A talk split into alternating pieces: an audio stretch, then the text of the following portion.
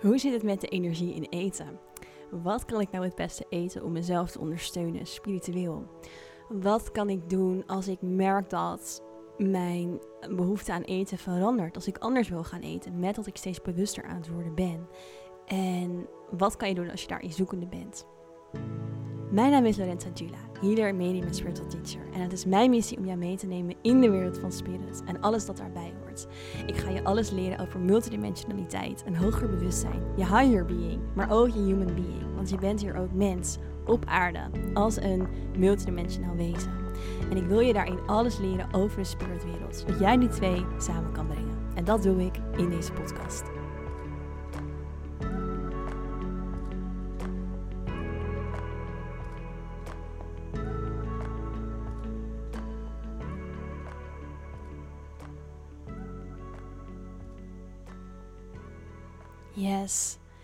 Welkom terug bij weer een nieuwe aflevering van de Inspired Podcast. Super leuk dat je luistert. In deze aflevering gaan we het hebben over eten. Een uh, onderwerp waar ik pas van iemand een vraag over kreeg. Maar wat ik zelf ook wel even een leuk onderwerp vind om een keer in de podcast met jullie te bespreken. Want ik kan wel zeggen dat ik een aardige weg heb afgelegd in de wereld van voeding. En dat was zeker niet een leuke, een leuke weg.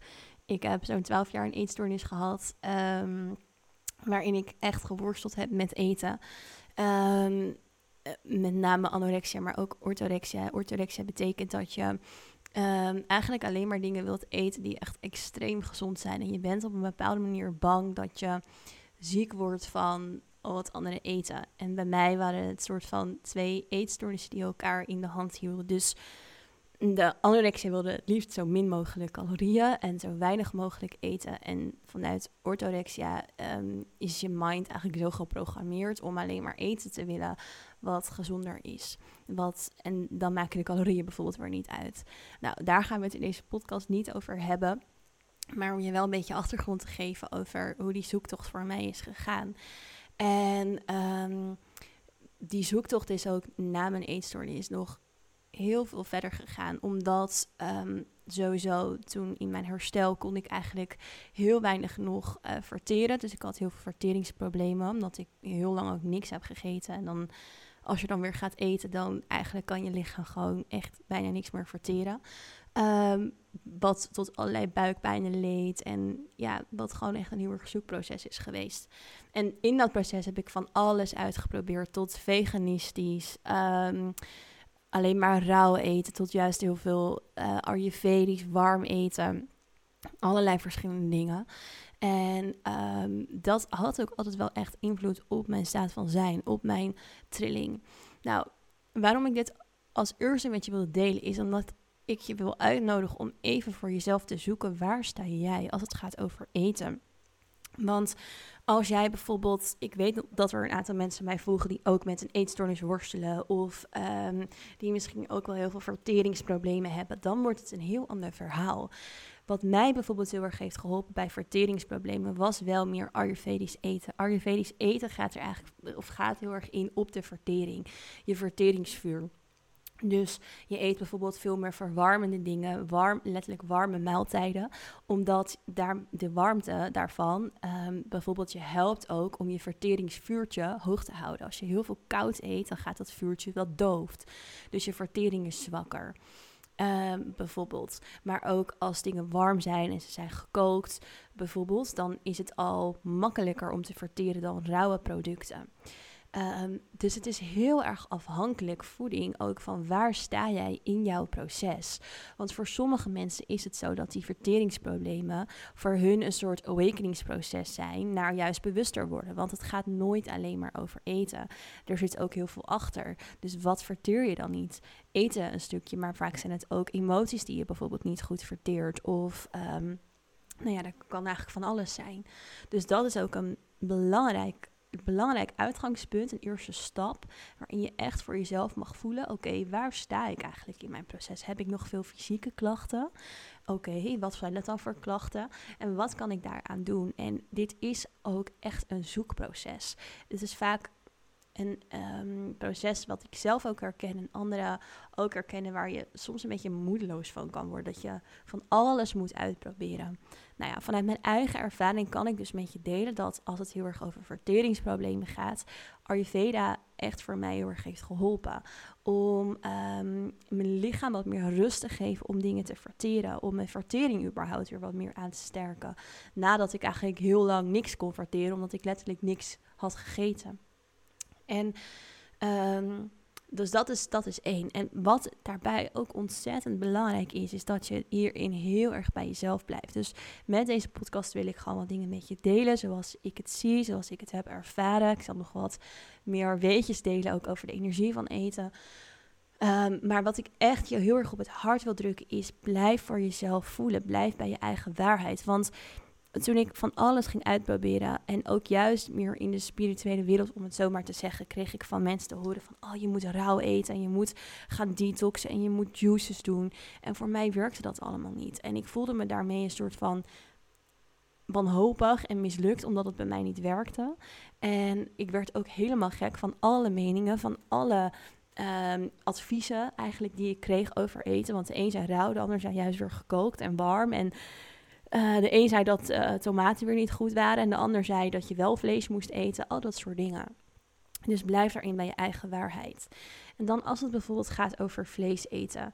Um, ik ben zelf jarenlang veganistisch geweest. En ik was ook heel, um, echt best wel fanatiek daarin. Niet dat ik het andere mensen oplegde, totaal niet. Want ik zag ook wel dat het voor iedereen zelf echt een proces was. En dat dat voor iedereen een proces van timing is. Maar ik, ik had zelf nooit gedacht dat ik ooit nog vlees zou gaan eten.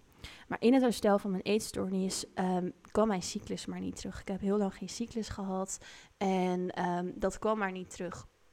En uh, totdat een van mijn vriendinnen eigenlijk dezelfde klachten had. Niet door een eetstoornis, maar wel ook dat zij een hele onregelmatige cyclus had. Dat haar cyclus niet kwam. En uh, zij is naar allemaal hormoonartsen geweest uh, in België. En zij, die artsen hebben haar echt op het hart gedrukt. Je moet echt weer vlees gaan eten. Het liefst rood vlees. Nou, dat, dat had zij ook heel veel weerstand op. Want ze was ook al jarenlang veganistisch. Um, dat was zelfs een onderdeeltje van haar werk. En ze dacht, oké, ik, ik moet mijn cyclus weer op orde krijgen. Uh, voor bepaalde redenen. En um, zij dacht, oké, als dit dan echt mijn laatste kans is, dan ga ik het gewoon proberen. Dan ga ik vlees eten. Ga ik gewoon heel goed vlees uh, kopen. Eerlijk vlees, goed vlees. En dan ga ik dat gewoon een kans geven. En binnen een aantal weken, geloof ik, kwam haar cyclus weer terug. Terwijl ze alles had geprobeerd. En nou, dat vertelde ze aan mij en ik herkende me best wel ook in andere symptomen die zij had. Dus uh, ik merkte bijvoorbeeld als ik ging sporten dat ik eigenlijk helemaal geen spieren op, op kon bouwen. Dat ik me steeds maar zwak bleef voelen.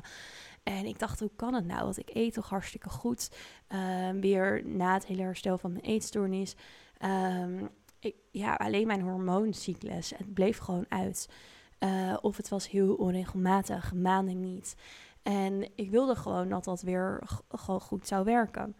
Dus toen kwam ik een keer bij haar eten en ze zei tegen mij: Oké, oké, weet je wat, we gaan het gewoon proberen. En ik voelde echt heel veel weerstand. Ik dacht, ja, ik dacht eigenlijk dat ik ooit in mijn leven nog vlees zou eten. Maar ik was er ook echt wel klaar mee. Ik had al zoveel uitgeprobeerd voor mijn cyclus, allerlei supplementen en noem maar op, maar het werkte allemaal niet. Toen ben ik eigenlijk op aanmoediging van haar heeft ze gewoon vlees voor mijn neus gezet. En ik dacht, oké, ik ga het gewoon proberen met zoveel liefde en dankbaarheid eigenlijk voor dit dier.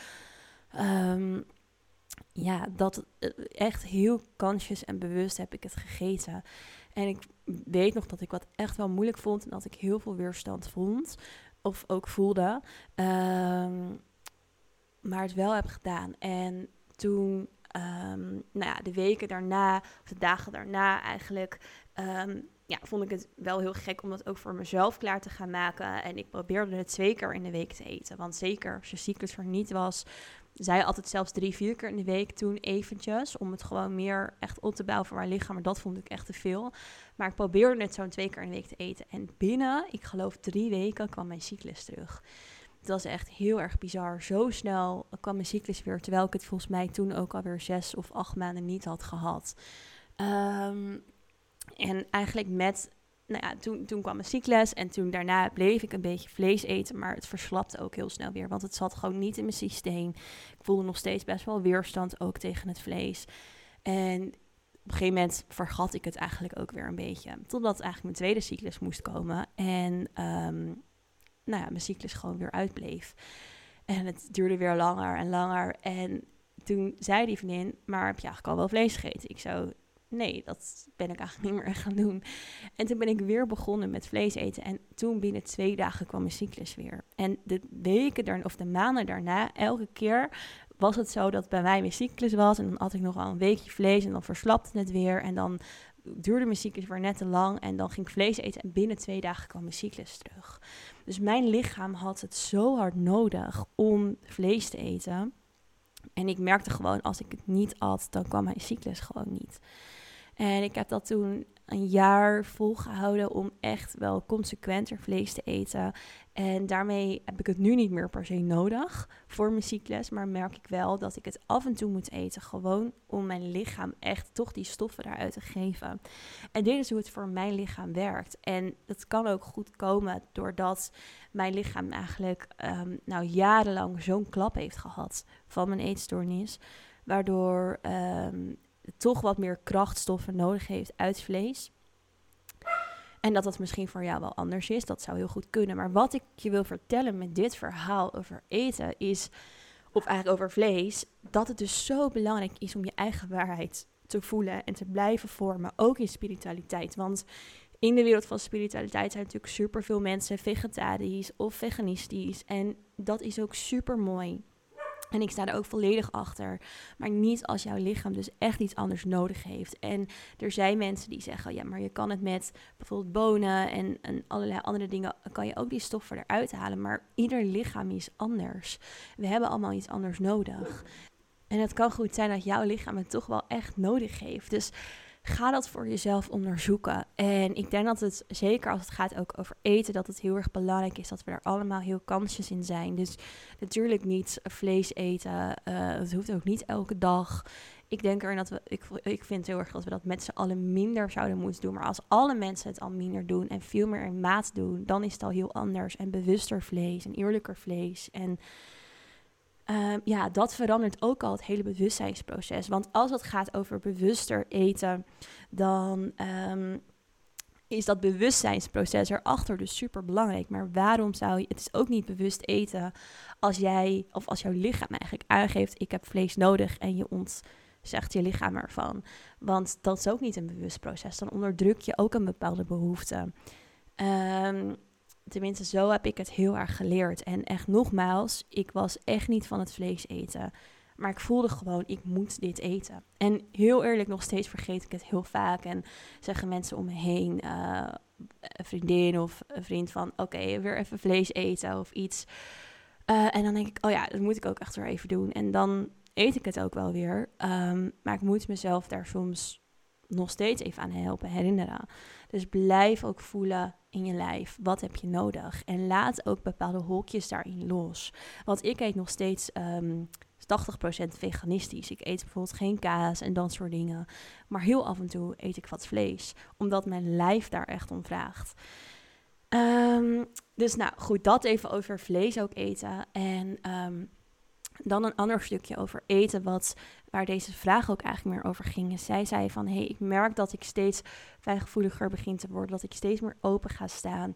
En ik merk dat ik daarin echt een hele andere behoefte krijg aan eten. En dat eten niet lekker meer valt, dat ik uh, eten echt op een andere manier wil gaan doen. En welke producten kan ik bijvoorbeeld eten als mijn hoger is, of als ik merk dat bepaalde producten niet meer fijn voelen. Ja, deze vraag, er zijn allerlei verschillende dingen die um, adviezen ook weer in te geven. Want er zijn mensen die zeggen je moet steeds meer rauw gaan eten. Er zijn mensen die, die zeggen je moet juist bijvoorbeeld ja, meer richting Ayurveda, zodat er eigenlijk geen energie of niet veel energie naar je vertering gaat. En je juist weer makkelijker energie ander, op een andere manier kan inzetten. Eigenlijk is het heel erg voelen wat voor jou werkt. En wat je daarin mee kan nemen is dat alle voedingsmiddelen een bewustzijn hebben. Dus zelfs een tomaat heeft een bewustzijn. En um, het is zelfs zo dat de ene tomaat wel gegeten wil worden, eigenlijk in de diepte vanuit energie en de ander niet. Ze hebben ook echt een soort bewustzijn en een soort trilling die ze af kunnen zenden of uit kunnen sturen.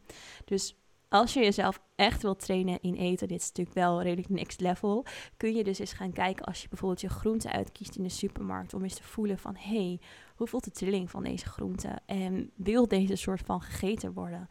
Uh, hoe, hoe, voelt de trilling van de groente? Heeft het een hoge trilling of een lage trilling? En nou, het zal je natuurlijk niet verbazen dat de groentes in de supermarkt over het algemeen een lagere trilling hebben dan degene in de biowinkels.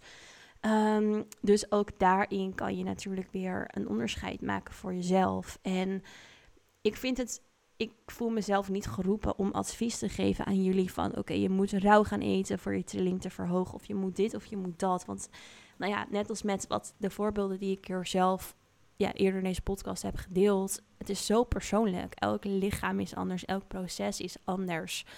Um, dus wat ik eigenlijk je als advies zou geven is probeer juist niet te veel buiten jezelf bij andere mensen te zoeken naar hoe zij eten, wat zij willen, maar probeer juist aan je human being, aan je lichaam te vragen wat heb je nodig? Waar heb je behoefte aan? En natuurlijk is gevarieerd eten voor iedereen belangrijk. Dus probeer echt te vragen waar heb je behoefte aan. Probeer daar voor jezelf keuzes in te maken en daarin te variëren. En probeer juist hokjes en labels los te laten. Dus misschien ben jij nu wel veganistisch en luister je dit. Ga je het heel open en eerlijk aan je lichaam vragen en komt eruit dat je uh, vlees moet eten. Of misschien wel ghee, dat is een Ayurvedische soort boter. Uh, ja, ik zou dan zeggen, probeer die hardheid los te laten en luister echt naar je lichaam. Want uiteindelijk zijn het allemaal trillingen. En je lichaam geeft aan welke trilling het nodig heeft. En um, ja, dat is denk ik wel bijna een beetje het belangrijkste advies wat ik je mee wil geven als het gaat over eten. Blijf echt bij jezelf. En nog een ander iets is um, uiteindelijk als wij gaan als een dieren met ons bewustzijn en naar een andere frequentie gaan, dan gaat eten ook een hele andere rol krijgen.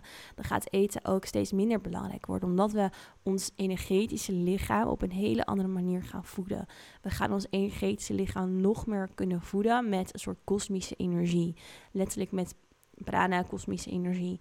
En met dat dat lukt, dat is echt een shift, um, heb je ook minder fysiek eten nodig. Dus zal uiteindelijk eten in onze shift voor onze lichamen een hele andere rol weer krijgen. Het zou eerder bijna bijvoeding zijn dan dat we voeding zoveel nodig hebben als dat we het nu nog nodig hebben. Dus het kan zijn dat je daar stukjes van merkt dat je minder eten nodig hebt of dat je meer licht verteerbaar eten nodig hebt en dat je op een bepaalde manier als je meditaties of activaties of energietransmissies hebt gehad, dat je merkt dat je daarna bijvoorbeeld ook al heb je lang niet gegeten, geen honger hebt, omdat je op een andere manier soort voeding tot je hebt gekregen. Dat kan, maar blijf heel eerlijk en open luisteren naar je lijf. Dat is echt heel erg belangrijk. En nou, ik durf wel te zeggen dat ik bijna als geen ander weet hoe moeilijk dat soms kan zijn. Ehm, maar dat dat wel ook echt een heel erg belangrijk proces is. En verdwaal in, daarin niet in alle adviezen van anderen. Jij hebt de antwoorden in jezelf. Jij kan het voelen. En ja, dat is een zoektocht. Uh, en daar mag je hulp bij vragen.